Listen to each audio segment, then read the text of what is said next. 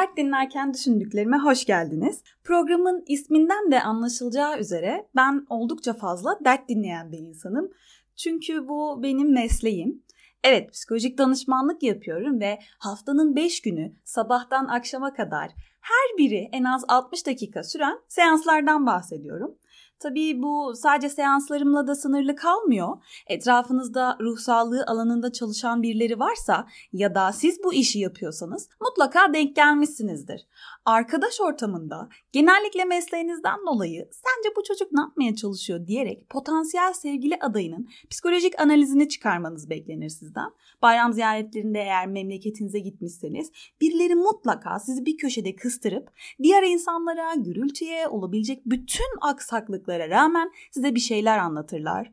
Mesela kuaföre gittiğinizde kuaförünüzle meslektaş olduğunuzu öğrenirsiniz. Çünkü onlar da sabahtan akşama kadar kadınların derdini dinliyordur. Hatta başını şişiren bir müşterinin yaptıklarını, söylediklerini anlatıp hiç görmediğiniz bir insan hakkında yorum yapmanızı isteyebilirler. Yeni tanıştığınız insanlar mesleğinizi öğrenince ''Aa ne güzelmiş, herkesin ihtiyacı var'' der demez ''Benim de şöyle bir sorunum var'' deyip konuya girip sizden ayaküstü onu kurtaracak muhteşem bir tavsiye vermenizi bekleyebilirler. Anlayacağınız ben sadece mesai saatlerinde değil günlük yaşantımda da yoğun derde maruz kalıyorum. E doğal olarak bu kadar çok dert dinleyince bir yandan da düşünecek, sorgulayacak çok şey biriktiriyorsunuz. Ben de bu podcast'te birilerini dinlerken aklımdan geçenleri anlatacağım. Sorgulamalarımın neler olduğundan bahsedeceğim. Danışanlarım bana bazen beni dinlerken içinizden ne geçiriyorsunuz diye soruyorlar. İşte bu soruya da yanıt vermeye çalışacağım. Tabii dert dinlemek deyince başta biraz kulağa garip geldiğini biliyorum.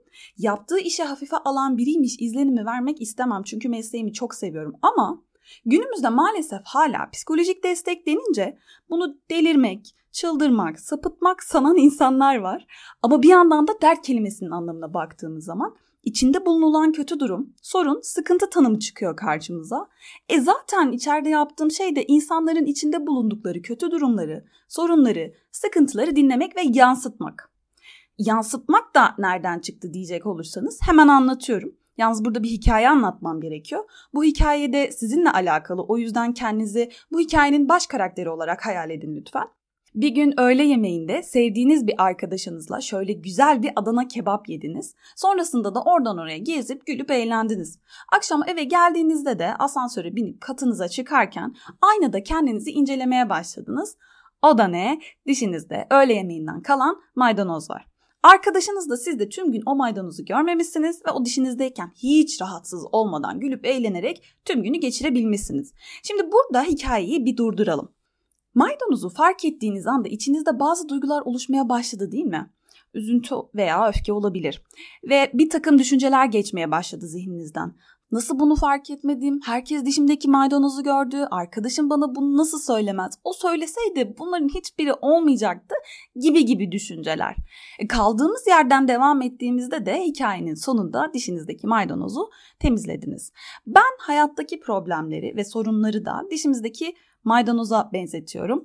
Bazen onların varlığından haberimiz bile olmadan yaşar gideriz ama bir aynanın karşısına geçince sorunların hepsi görünür olmaya başlayabiliyor. Bu sorunları görmek rahatsızlık verebiliyor. İnsan yaşadıklarına karşı öfke, üzüntü, pişmanlık, hayal kırıklığı gibi duygular yaşayabiliyor. Hatta aynada gördüklerini inkar etmek, onları örtbas etmeye çalışmak, yokmuş gibi davranmak veya kaçmak isteyebiliyor. Bazen de o sorunu değiştirmek istiyor. Bütün bunlar olurken ayna size ay dişindeki maydanoza bak ne kadar çirkin demez. Ya da bütün gün bununla mı gezdin herkes gördü seni demez.